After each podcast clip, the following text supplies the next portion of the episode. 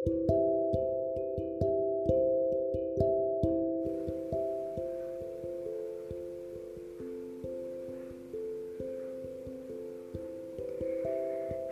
malam anak-anak.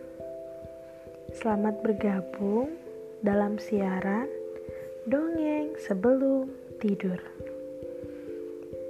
Sebelum mendengarkan dongeng, Ibu mau tanya, apakah anak-anak sudah gosok gigi? Wah, hebat, sudah gosok gigi.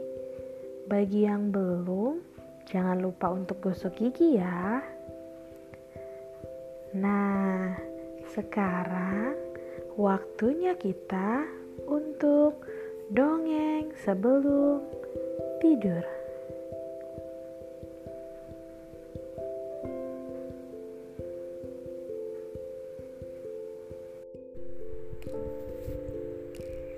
Kali ini Ibu Dinar akan mendongeng dari buku dipinjam dari Elip BPK Penabur. Buku cerita karya Chris Maria dengan judul Kok Buru-Buru Mimi? Di hari Minggu yang cerah, Mimi ingin sekali pergi ke taman bermain dia pun sudah menyiapkan barang-barang. Mimi ingin sekali cepat-cepat tiba, paling pagi di tempat bermain. Mimi tidak sabar. Pada saat sudah sampai di loket, dia pun terburu-buru dan tidak mau antri. Hei, antri dong. Au, kau menginjak kakiku. Tetapi Mimi tidak peduli dan tidak mengucapkan kata maaf. Setelah Mimi mendapat tiket, Mimi langsung masuk ke dalam kereta dan mencari tempat duduk. Ups, hampir saja aku jatuh. Pada saat ia mencari tempat duduk di dalam kereta, Ternyata Mimi menyerobot bangku khusus untuk kakek dan nenek. Dan lagi-lagi tidak peduli yang ada di sekitarnya. Huh, untung dapat tempat duduk.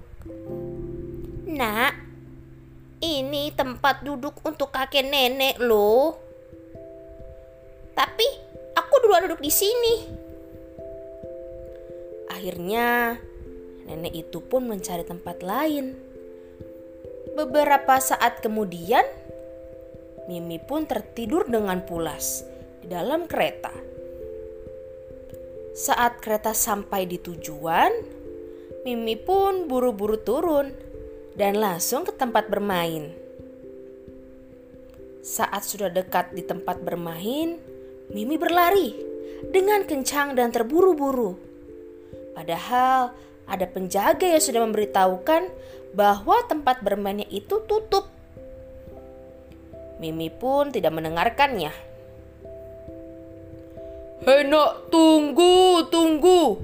Aku beritahu sesuatu. Aku harus buru-buru ke tempat bermain agar aku di paling depan. Sesampainya di gerbang taman bermain, Mimin pun langsung menangis. Taman bermainnya tutup ternyata. Maaf nak, taman bermain tutup.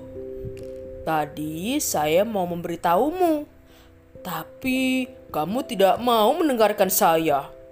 Saat ini, taman bermain sedang dalam perbaikan.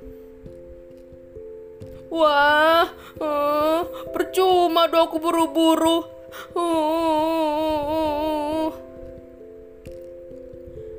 Anak-anak, dari dongeng yang kita dengar tadi, kita diingatkan untuk bersabar, sabar menunggu giliran, dan sabar mendengarkan orang lain yang sedang berbicara.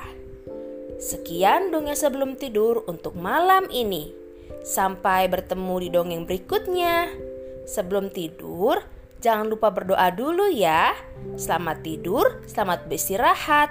Tuhan Yesus memberkati.